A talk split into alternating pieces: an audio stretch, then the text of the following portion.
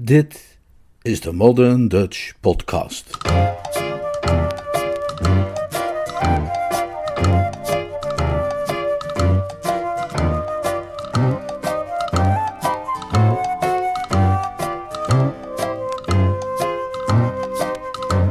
Jill the Musical.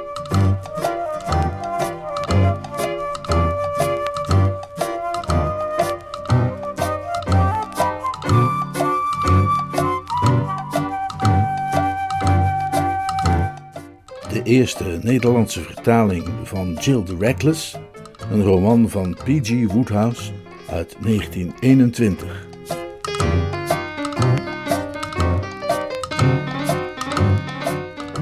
Vertaald en voorgelezen door Leonard Beuger.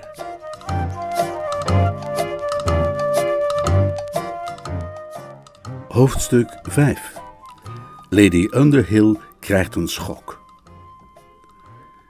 Er zijn straten in Londen waarin de zon nooit schijnt door te dringen. Sommige daarvan bevinden zich in chique, modieuze wijken, en misschien vinden de bewoners daarvan een adres dat er op briefpapier goed uitziet voldoende compensatie voor de somberheid die ermee gepaard gaat. De meerderheid van die straten bevindt zich echter in de armoedige buurten rond de grote spoorwegstations, waar niets het gebrek aan zon lijkt te compenseren. Het zijn kale, verholen straten, grijs als de januarihemel en in een soort stilzwijgend verval. Ze ruiken naar kool en worden gefrequenteerd door rondsluipende zwerfkatten. S'nachts zijn ze verlaten en donker en hangt er een droeve stilte over hen. Soms onderbroken door de gebarste tonen van een piano, die een van de eenvoudige gezangen laat horen, een vorm van muziek waaraan de bewoners van de groezelige huizen sterk verslaafd zijn. Overdag kennen ze een zekere levendigheid door het af en toe verschijnen van vrouwen in schorten die kleedjes uitkloppen bij de voordeuren of plotseling opduiken en met een kan naar de kroeg op de hoek lopen om bier te halen voor bij het avondmaal. Voor bijna elk raam op de begane grond hangt een briefje dat meldt dat aldaar gemeubileerde woonruimte beschikbaar is. U vindt zulke straten bij massa's als u de hoofdwegen verlaat en binnendoor uw weg zoekt naar Euston, Paddington of Waterloo Station. Maar de smerigste, rampzaligste en meest deprimerende liggen rondom Victoria Station. En Domini Street, Pimlico, is een van de ergste van allemaal. Op de middag na de beschreven gebeurtenissen was een meisje zich aan het verkleden in de benedenkamer van Dobony Street nummer 9. Een dienblad met de resten van een laat ontbijt stond op de gammele tafel naast een vaas met kunstbloemen. Van onder de tafel gluurde de groene omslag van een exemplaar van Variety. Een grijze papegaai in een kooi bij het raam kraakte een noot en keek met satirische blik de kamer in. Hij had dit al zo vaak gezien. Nellie Bryant, die zich in haar mooiste kleren tooide om de theateragenten te gaan bestormen in hun kantoren rondom de Strand. Het was een dagelijks verschijnsel. Over een uur of twee zou ze zoals gewoonlijk terugkomen met een vermoeide stem: Oh jee, zeggen, en dan zou voor die papegaai de eigenlijke dag beginnen. Hij was een vogel die erg hield van het geluid van zijn eigen stem, maar hij had nooit echt kans op een uitgebreid gesprek totdat Nellie s'avonds terugkwam. Geeft niks, John, zei Bill en kraakte nog een nootje. Als kamers iets zeggen over het karakter van hun bewoners, kwam Nellie Bryant goed uit de test. Niets kan een Londense gemeubileerde kamer echt veel minder afschuwelijk maken dan hij bedoeld is, maar Nellie had haar best gedaan. Het meubilair, voor zover aanwezig, was van dat typische huurkamermeubilair dat werkelijk nergens op lijkt. Maar een paar kleinigheden hier en daar, wat spontane, smaakvolle aanpassingen van de gebruikelijke stoffering, hadden de kamer bijna een gezellige sfeer gegeven. Later, met het gaslicht aan, zou je het vrijwel huiselijk kunnen noemen. Nelly had, net als veel andere nomaden, zichzelf aangeleerd om met slechte spullen nog een heel eind te komen. Op tournee in Amerika had ze soms zelfs een goedkope motelkamer nog redelijk comfortabel weten te maken, en een grotere prestatie is nauwelijks denkbaar. Ze had, vreemd genoeg gezien haar biografie tot nu toe, een waar talent voor huiselijkheid. Nelly voelde zich vandaag erg ongelukkig en niet voor het eerst. Het gezicht dat haar aankeek vanuit de spiegel terwijl ze zich haar meest flatteuze hoed op het hoofd schikte, zag er moe uit.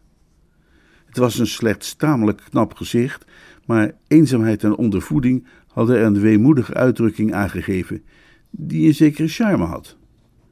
Jammer genoeg was het niet het soort charme dat een grote aantrekkingskracht uitoefende op de gezette, whisky doortrokken mannen die achter met papieren bezaaide bureaus hun sigaren rookten in met bordjes privé getooide vertrekken in de kantoren van theateragentschappen. Nelly was inmiddels een flink aantal weken zonder werk. In feite al vanaf het moment dat Dames gaan voor uit het Regal Theater was vertrokken. Dames gaan voor, een Amerikaanse musical, was uit New York overgekomen met een Amerikaans gezelschap waarvan Nelly een bescheiden onderdeel had uitgemaakt. Het stuk had een jaar in Londen gestaan en een paar weken in de belangrijkste theaters in de provincie, en daarna was het gezelschap teruggekeerd naar New York. Tijdens de lange avonden in Daubeny Street werd Nelly er niet blij van te bedenken dat ze, als ze had gewild, met de rest van het gezelschap mee naar huis had kunnen gaan. Een wilde impuls had hij aangezet haar geluk in Londen te beproeven, en daar zat ze nu, gestrand. Heeft niks, joh, zei Bill. Voor een vogel die graag praatte, was hij een beetje beperkt in zijn vocabulaire en nogal geneigd zichzelf te herhalen. Nou, voor mij een heleboel, je arme sukkel, zei Nelly, voltooide hij gefrutsel met de hoed en draaide zich om naar de kooi. Voor jou is het prima. Je hebt een geweldige tijd met niets anders te doen dan daar maar te zitten en nootjes te eten. Maar denk je dat ik het leuk vind om alsmaar rond te struinen, op zoek naar werk en nooit iets te vinden? Ze pakte haar handschoenen. Oh, nou ja, zei ze. Wens me geluk. Tot ziens, jongen, zei de papegaai en klampte zich met zijn snavel vast aan de tralies. Nelly stak een vinger in de kooi en krabde hem op zijn kop. Je bent me liever kwijt dan rijk, begrijp ik. Nou ja, tot ziens dan. Tot ziens, jongen. Oké, ik ga al. Braaf zijn, hè? Waf, waf, waf, blafte Bill de papegaai, die niets beloven wilde. Nadat Nelly weg was, bleef hij een poosje ineengedoken op zijn zitstok zitten, in kalme overpeinzing van het eeuwige. Toen slenterde hij naar het zaadbakje en nam wat lichte versnaperingen. Hij spreidde zijn maaltijden altijd graag uit, zodat hij er langer van kon genieten. Na een slok water om het eten weg te spoelen, keerde hij terug naar het midden van de gooi, waar hij met zijn snavel wat intieme onderzoekingen verrichtte onder zijn linkervleugel. Vervolgens mauwde hij als een kat en verviel weer in stille meditatie. Hij sloot zijn ogen en dacht na over zijn favoriete probleem. Waarom was hij een papegaai? Dit was altijd een plezierige bezigheid voor een uur of zo, en het was tegen drieën eer hij tot zijn gebruikelijke conclusie was gekomen dat hij het niet wist. Toen, uitgeput door al dat denkwerk en enigszins beklemd door de stilte in de kamer, begon hij om zich heen te kijken, op zoek naar een manier om het bestaan wat op te vrolijken. Het kwam bij hem op dat het misschien zou helpen als hij nog een keer blafte. Leuk voor een keer, maar dan had je het ook wel gehad. Het was niet echt spannend. Hij had behoefte aan iets met wat meer uitdaging. Hij hamerde een paar keer met zijn stavel op de vloer van zijn kooi, at een hap van de krant die daarover lag en kauwde nadenkend met zijn kop opzij. Het smaakte hem niet zo goed als gewoonlijk. Hij vermoedde dat Nelly de Daily Mail had gebruikt in plaats van zijn vertrouwde Daily Express of zoiets. Hij slikte het stuk papier door en werd getroffen door de gedachte dat een kleine klimoefening misschien was wat de situatie vereiste. Je klemt je vast aan de tralies met snavel en klauwen en werkt je omhoog tot boven in de kooi. Nou, klinkt misschien saai, maar het is iets om te doen. Hij probeerde het. Maar toen hij het deurtje van de kooi vastpakte, zwaaide dat open. Bill de papegaai begreep dat dit een bijzondere dag ging worden. Zo'n geluk had hij in maanden niet meer gehad. Een poosje bleef hij zitten kijken naar dat openstaande deurtje. Tenzij daartoe aangezet door invloeden van buitenaf, deed hij nooit iets gehaast. Vervolgens schuifelde hij voorzichtig naar voren en bevond zich in de kamer. Daar was hij wel eens eerder geweest, maar altijd onder begeleiding van Nelly. Dit was iets heel anders. Dit was een avontuur. Hij hopte op de vensterbank. Er lag daar een bol gele wol, maar hij had net geluncht en nergens trek in. Hij zocht naar iets anders dat hem bezig kon houden en bespeurde plotseling dat de wereld nog veel groter was dan hij had gedacht. Blijkbaar was er buiten die kamer nog een heleboel. Hoe lang dat al aan de gang was, wist hij niet, maar het was duidelijk iets dat dringend onderzocht moest worden. Het raam was aan de onderkant open en vlak buiten het raam bevond zich wat hij aanzag voor de tralies van een andere en veel grotere kooi. In feite was dat het hekje aan de straatkant dat nummer 9 een bescheiden bescherming bood. Dat liep langs het hele huis en werd veel gebruikt door kleine jongens om er met een stok langs te ratelen. Een van die ratelaars kwam juist voorbij toen Bill daar naar beneden stond te kijken. Het geluid deed hem even schrikken, maar toen leek hij tot de conclusie te komen dat dit soort dingen te verwachten viel als je de grote wereld inging. En dat een papegaai die van plan was iets van het leven te zien, zich niet moest laten afschrikken door kleinigheden. Hij neuriede wat en tenslotte liep hij met statige passen over de vensterbank, zijn tenen in een rechte hoek omlaag gebogen, greep met zijn snavel de bovenkant van het hek beet en liet zich zakken. Aangekomen op straatniveau bleef hij door het hek naar buiten staan kijken. Een hond kwam aangekuierd, zag hem daar staan en kwam naar hem toe om hem te besnuffelen. Dat zint, jongen, zei Bill spraakzaam. De hond was verrast. Tot nu toe waren vogels, naar zijn beperkte ervaring, vogels en mensen mensen. Dit leek echter een mengsel van die twee. Wat moest je daarmee? Hij blafte aarzelend, merkte dat er niets rampzaligs gebeurde, duwde zijn neus tussen twee van de spijlen van het hek en blafte opnieuw. Iedereen die Bill kende had hem kunnen vertellen dat hij er op die manier om vroeg en hij kreeg het dan ook. Bill leunde naar voren en beet venijnig in zijn neus. De hond vloog achteruit met een kreet van pijn. Hij leerde elke minuut iets nieuws. Waf, waf, waf, zei Bill spottend. Hij ontwaarde broekspijpen, vier stuks. En toen hij zijn blik omhoog wendde, zag hij dat er twee mannen van het volkse type vlak voor hem stonden. Ze staarden op hem neer op de onverstoorbare wijze die eigen is aan het Londense proletariaat wanneer dat wordt geconfronteerd met het ongewone. Zij besteden enkele minuten aan een zorgvuldige observatie, waarop een van hen tot een oordeel kwam. Dat is een uh. Hij haalde zijn pijp uit zijn mond en wees met de steel. Zijn uh, verdomde poppegaai, Urp. Ah, zei Urp, die een man was van weinig woorden. Ja, popperij, vervolgde de ander.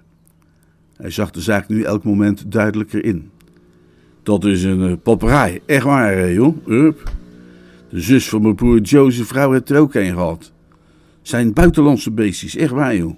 De zus van mijn broer Joe's vrouw heeft er ook een gehad. Roodharig meisje. Is getrouwd met een gozer die in de haven werkt. Ze had er ook een. Zijn papegaaien, die beesten. Hij bukte zich voor een nadere inspectie en stak een vinger tussen de spijlen van het hek door. Urp liet zijn gebruikelijke zwijgzaamheid varen en sprak een waarschuwend woord. Kijk uit tot u je niet bijt, Henry. Henry reageerde gekwetst. Hoe bedoel u hij bijt? Ik weet alles van papegaaien, ik, hè? De zus van mijn broer Joe's vrouw heeft er ook een gehad. Ze doen geen kwaad, zolang als jij jullie geen kwaad doet. Je kent je vrienden als je ze ziet, ja toch, maat? Ging hij verder en richtte zich tot Bill, die met een half gesloten oog naar die vinger keek. Tot ziens, jongen, zei de papegaai, het punt ontwijkend. Hoor je dat? riep Henry verheugd. Te ziens, jongen, het zijn net mensen. Hij bijt zo een stuk uit je vinger, hoor, waarschuwde de wantrouwige Urp. Wat? Hij? Henry's stem klonk verontwaardigd. Hij leek te denken dat er aan zijn reputatie als deskundige op het gebied van papegaaien werd getwijfeld. Nou, nee, die lust mijn vinger niet. Nou, om een halve pint dat hij een stuk uit je vinger bijt, hield de septicus vol. Zijn rottige papegaai gaat geen stukje uit mijn vinger bijten, ben je gek joh. Die papegaai van mijn broer Jo's vrouw ook nooit een stukje uit mijn vinger gebeten. Hij stak zijn vinger nog verder uit en zwaaide die verleidelijk onder Bill's snavel. Koppie krauw, zei hij hartelijk. Wil je een nootje dan? Of het nu pure gemakzucht was, of het gepraat over de braafheid van die andere papegaai, die van de zus van de vrouw van Henry's broer, die hem al doen beseffen dat er een bepaalde standaard van goed gedrag was voor zijn soort, valt niet te zeggen. Maar een tijdje lang mijmerde Bill alleen wat over het onderwerp verleiding met een gereserveerde, terughoudende blik in zijn ogen. Zie je wel, zei Henry. Waf, waf, waf, zei Bill. Hoe, hoe, hoe, blafte de hond keerde abrupt terug naar zijn eerdere positie en pakte zijn uiteenzetting met Bill op op het punt waar hij was gebleven. Het effect op Bill was catastrofaal. Altijd al een nerveuze vogel verloor hij volledig de rust die zozeer het geslacht Veer Veer en de betere klasse van papegaaien kenmerkt.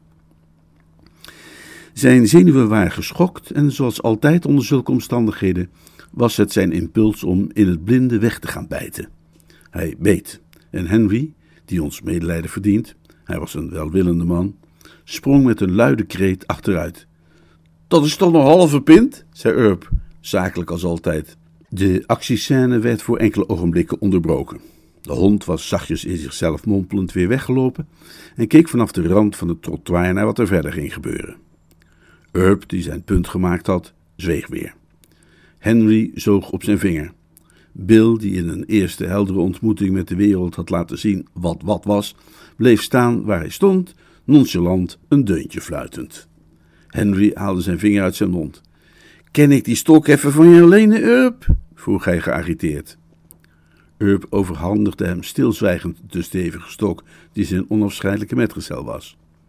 Henry, een heel andere man dan de opgeruimde slenteraar van enkele ogenblikken daarvoor, porde woest tussen de stijlen van het hek. Bill, die nu in paniek was en niets liever wilde dan terug te zijn in zijn knusse kooi, krijste luid om hulp. En Freddy Rook, die met Jill de hoek om kwam gelopen, bleef doodstil staan en trok bleek weg. Goeie god, zei Freddy.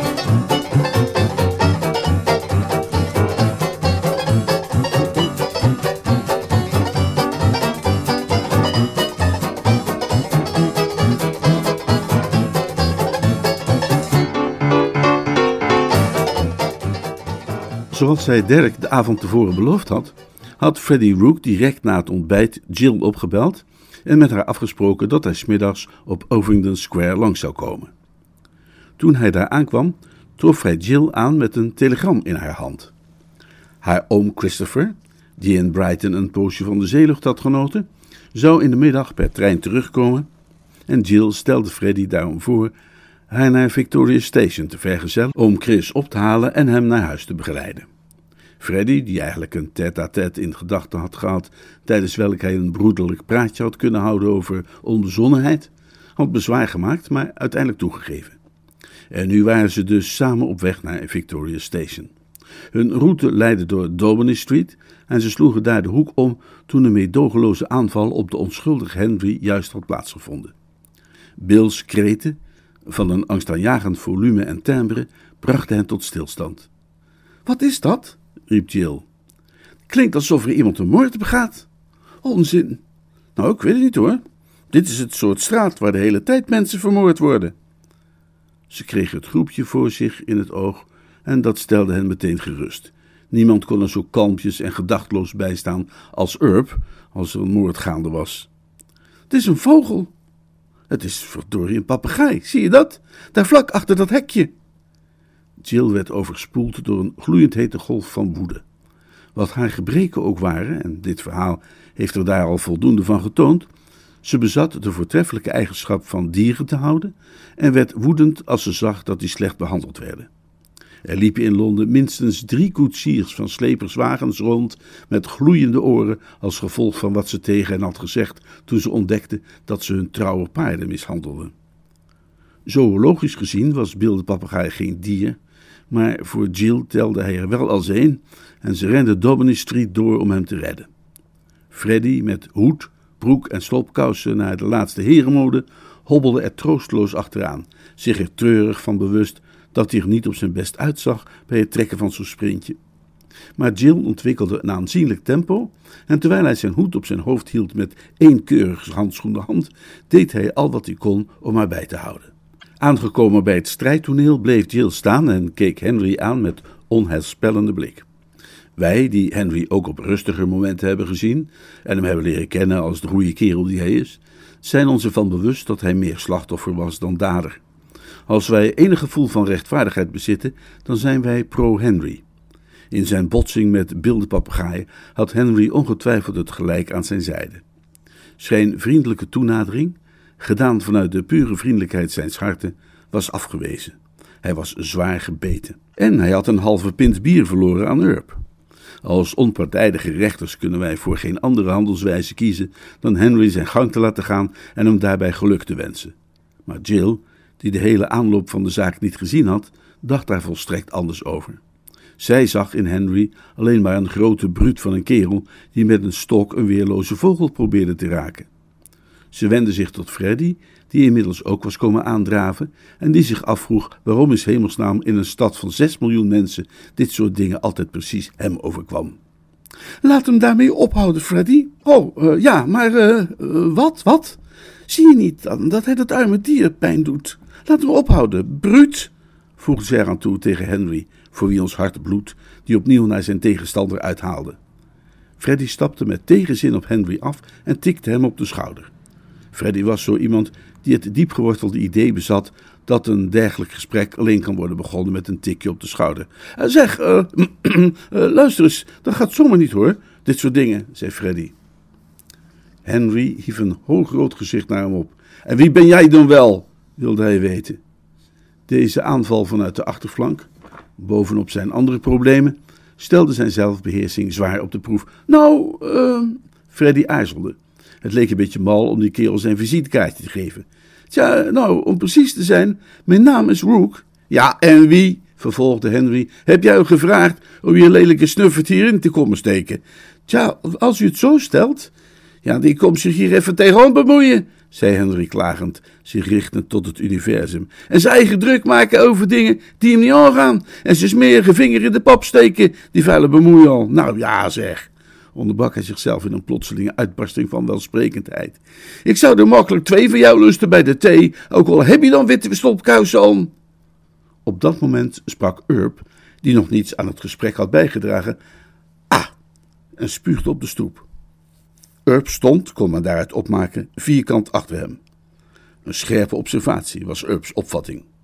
Enkel omdat je witte slopkousen aan hebt, ging Henry voort, of wiens gevoelige geest dat onderdeel van het kostuum, zoals de welgeklede man dat thans draagt, een uitgesproken ongunstige indruk leek te hebben gemaakt. Enkel omdat je witte slopkousen aan hebt, denk je dat je hier een beetje kan komen rondlopen en je overal een partijtje tegenaan kan komen bemoeien. Nou, mooi niet dus, hè?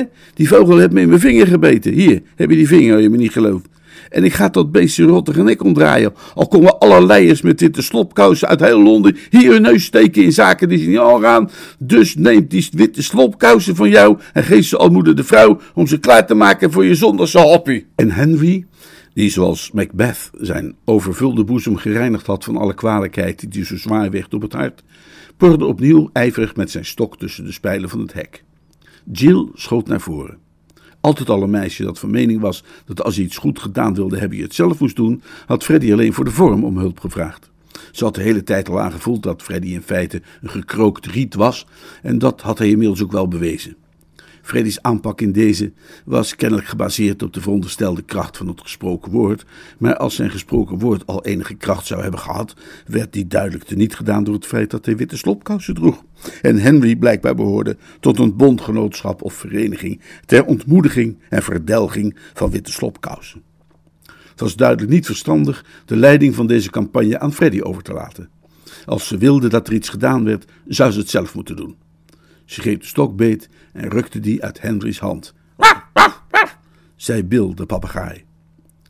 Geen enkele onbevooroordeelde toehoorder had de scherp sarcastische toon daarin kunnen missen.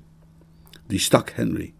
Normaal gesproken was hij een man die zich onthield van geweld tegen het tedere geslacht, maar nu wierp hij dat leidende principe van een heel leven aan de kant en keerde zich tegen Jill als een tijger. Geef mij die stok!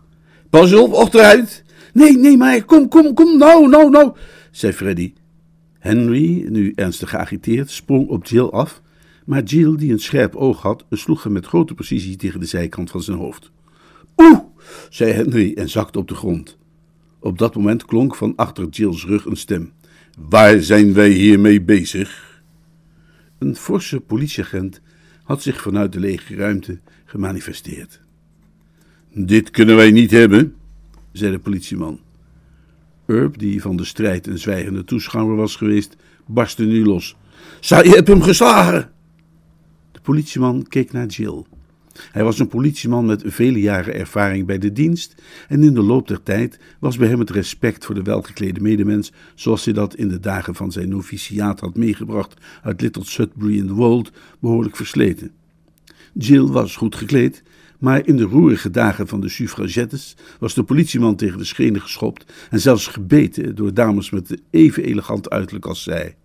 Op Belgrave Square, wist de politieman, kloppen de harten net zo puur en eerlijk als in de nederige buurt van Seven Dials. Maar je moest ze daar even goed arresteren als ze de rust verstoorden. De blik die hij wierp op Jill, vrijwel op heterdaad betrapt, met de stok nog in haar hand, was gestreng. Uw naam en adres, alsjeblieft, mis, zei hij. Een meisje in het blauw met een grote hoed op was aankomen lopen en staarde met open mond naar de mensen die daar stonden. Bill, de papegaai, slaakte een welkomstkreet toen hij haar zag. Nellie Bryant was thuisgekomen en nu kwam alles weer in orde. Mariner, zei Jill, bleek maar met fonkelende ogen. Ik woon op Ovingdon Square, nummer 22. En uw naam, sir? Mijn naam? Oh, uh, ja, uh, ja nee, ik begrijp wat u bedoelt. Die is uh, Rook, weet u wel? F.L. Rook. Ik woon in het Albany, enzovoorts enzoverder. De politieman maakte een aantekening in zijn notitieboekje. Agent, riep Jill uit. Deze man probeerde die papegaai dood te maken en ik heb hem tegengehouden. Ja, daar kan ik verder niks aan doen, mis. U hebt niet het recht om iemand met een stok te slaan. U zult met mij mee moeten komen. Maar nee, zeg. Kom op nou, zeg. Ja. Freddy was geschokt. Dit soort dingen was hem ook wel eens eerder overkomen, maar alleen in het Empire. Op de avond van de grote roeiwedstrijd, wanneer het van een mens werd verwacht. Ja, ik bedoel maar. En u ook, sir. U bent allebei betrokken. Maar, maar, maar. Ach, kom nu maar mee, Freddy, zei Jill rustig. Het is volkomen absurd, maar het heeft geen zin om er ophef over te maken. Dat, zei de politieman hartelijk, is de juiste houding.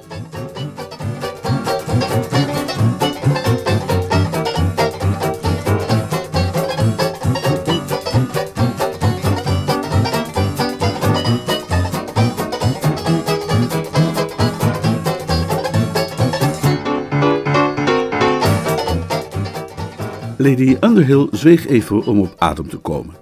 Ze had lang en heftig gesproken. Derek en zij bevonden zich in het appartement van Freddie Rook in het Albany en het onderwerp van haar monoloog was Jill. Derek had de aanval verwacht en had zich zelfs afgevraagd waarom die niet eerder was gekomen. Tijdens het diner van de vorige avond had Lady Underhill, ook na de ontdekking dat Jill aan een tafeltje vlakbij soupeerde met een man die voor haar zoon een vreemde was, een grimmige terughoudendheid bewaard ten aanzien van haar toekomstige schoondochter. Maar vandaag had ze haar mening uitgesproken en met extra energie, doordat ze die zo lang had onderdrukt. Ze had zichzelf door een stroom van woorden verlost van alle opgekropte vijandigheid die ze had opgebouwd sinds hun eerste ontmoeting in dezezelfde kamer. Ze had snel gepraat, want het ging om een race tegen de klok. De gemeenteraad van de belangrijkste stad in Derks kiesdistrict in het noorden van Engeland had besloten dat morgenochtend de eerste steen zou worden gelegd van hun nieuwe stadhuis en Derk zou als hun huidige parlementslid die feestelijke bijeenkomst voorzitten. Barker had al opdracht gekregen om een taxi te bellen om hem naar het station te brengen en hun gesprek kon elk moment worden onderbroken. Dus maakte Lady Underhill optimaal gebruik van de weinige tijd die ze had. Derek luisterde met somber gezicht en nam nauwelijks de moeite af en toe iets terug te zeggen. Zijn moeder zou blij zijn geweest als ze had geweten wat een krachtig effect haar argumenten op hem hadden. Dat kleine duiveltje van twijfel dat hem in de taxi al had lastiggevallen toen hij van Ovingdon Square naar huis reed, was in de loop van de nacht niet gestorven. Het was juist gegroeid en een stuk geduchter geworden. En nu, geholpen door deze bondgenoot van buitenaf, was het een kolossus geworden die schrijlings boven zijn ziel torende. Dirk keek telkens op de klok en vervloekte de onbekende taxichauffeur wiens uitblijven de huidige scène nog rekte. Iets zei hem dat alleen de vlucht hem nu nog kon redden. Hij had nooit tegen zijn moeder opgekund in een van haar militante buien. Het was alsof ze zijn geestvermogens uitbluste. Andere leden van zijn familie hadden die eigenschap van Lady Underhill ook opgemerkt en hadden er bittere opmerkingen over gemaakt. In de rooksalons van landhuizen, ver weg in de provincie, op het uur dat mannen bij elkaar komen om een laatste whisky en soda te drinken en hun ziel te ontlasten. Lady Underhill, die alles had gezegd wat ze te zeggen had, kwam weer op adem en begon het allemaal opnieuw te zeggen. Voortdurende herhaling was een van haar sterkste wapens.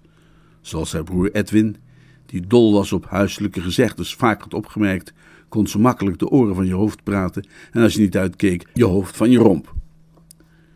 Je moet wel gek zijn, Dirk, om in deze cruciale fase van je carrière zelf een handicap te bezorgen. Door een vrouw te willen huwen die je niet alleen geen hulp zal kunnen bieden, maar die in feite een rampzalig blok aan je been zal blijken te zijn. Ik neem je niet kwalijk dat je meent verliefd te zijn, hoewel ik eigenlijk had gedacht dat het man met jouw karakter en capaciteiten, nou ja, maar, zoals ik al zei, ik, ik neem je dat niet kwalijk.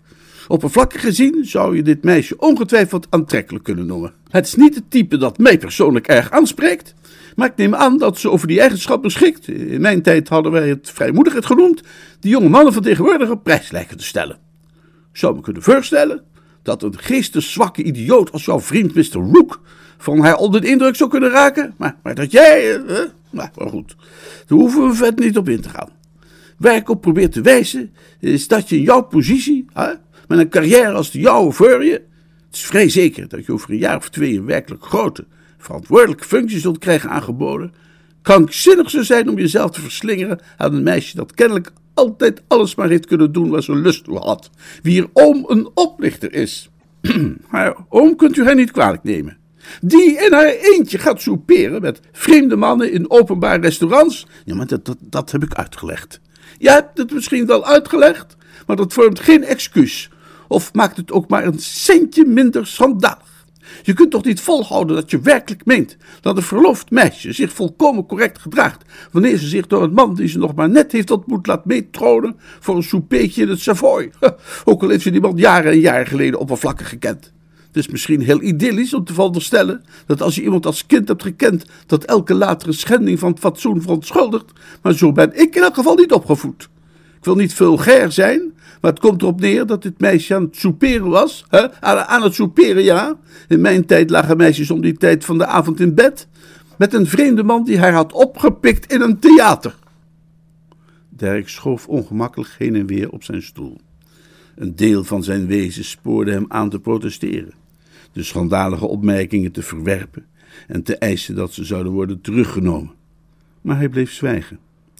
Het kolossus geworden duiveltje was te sterk voor hem. Ze heeft groot gelijk, zei dat duiveltje. Het is een onaangename, maar accurate beschrijving van wat er is gebeurd. Hij keek opnieuw op de klok en wenste voor de honderdste keer dat die taxi nu eindelijk eens zou komen. Naast de klok glimlachte Jill's foto naar hem. Hij wendde zijn blik af, want zolang hij ernaar bleef kijken, had hij een merkwaardig gevoel van laaghartigheid, alsof hij zich misdroeg tegenover iemand die hem lief had en vertrouwde. Goed, verder ga ik er niets over zeggen, zei ze, terwijl ze opstond en haar handschoenen dichtknoopte. Ik laat hierover nadenken. Het enige wat ik nog kwijt wil is dat, hoewel ik haar gisteren pas ontmoet heb, ik je kan verzekeren dat dit meisje precies het soort van volkomen onverantwoord, zogenaamd modern meisje is, dat gegarandeerd op zekere dag betrokken raakt in een of ander serieus schandaal. En ik wil niet dat zij dan in een positie is om jou daarin mee te slepen. Ja, Barker, wat is het? Is er daar taxi gearriveerd? Barker, met zijn bourgondische kin, was zachtjes binnengekomen en respectvol in de deuropening blijven staan. Er was geen emotie op zijn gezicht te zien, afgezien van de vage droefheid die daarop altijd als een soort masker verscheen vanwege zijn gevoel voor correct gedrag in de aanwezigheid van mensen uit een hogere maatschappelijke klasse. Een taxi kan elk ogenblik arriveren, milady. Neemt u mij niet kwalijk, Sir Dirk. Er is een politieagent aan de deur met een bericht. Een politieagent? Met een bericht van Mr. Rook. Wat bedoel je? Ik heb enkele woorden gewisseld met de agent, sir, zei Barker bedroefd. En ik heb daaruit opgemaakt dat Mr. Rook en Miss Mariner zijn gearresteerd. Gearresteerd? Waar heb je het over? Mr. Rook heeft de agent verzocht u te vragen of u zo vriendelijk zou willen zijn om naar het bureau te komen en een borgsom voor hen te betalen.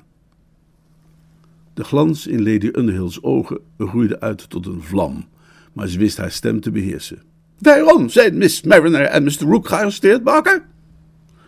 Voor zover ik heb begrepen, milady, heeft Miss Mariner op straat iemand met een stok geslagen. En zijn zowel zij als Mr. Rook meegenomen naar het politiebureau van Chelsea. Lady Underhill wierp een blik op Dirk, die in het vuur staarde. Dat komt nu wat ongelukkig uit, Dirk. zei ze vriendelijk. Als je naar het politiebureau gaat, mis je je trein.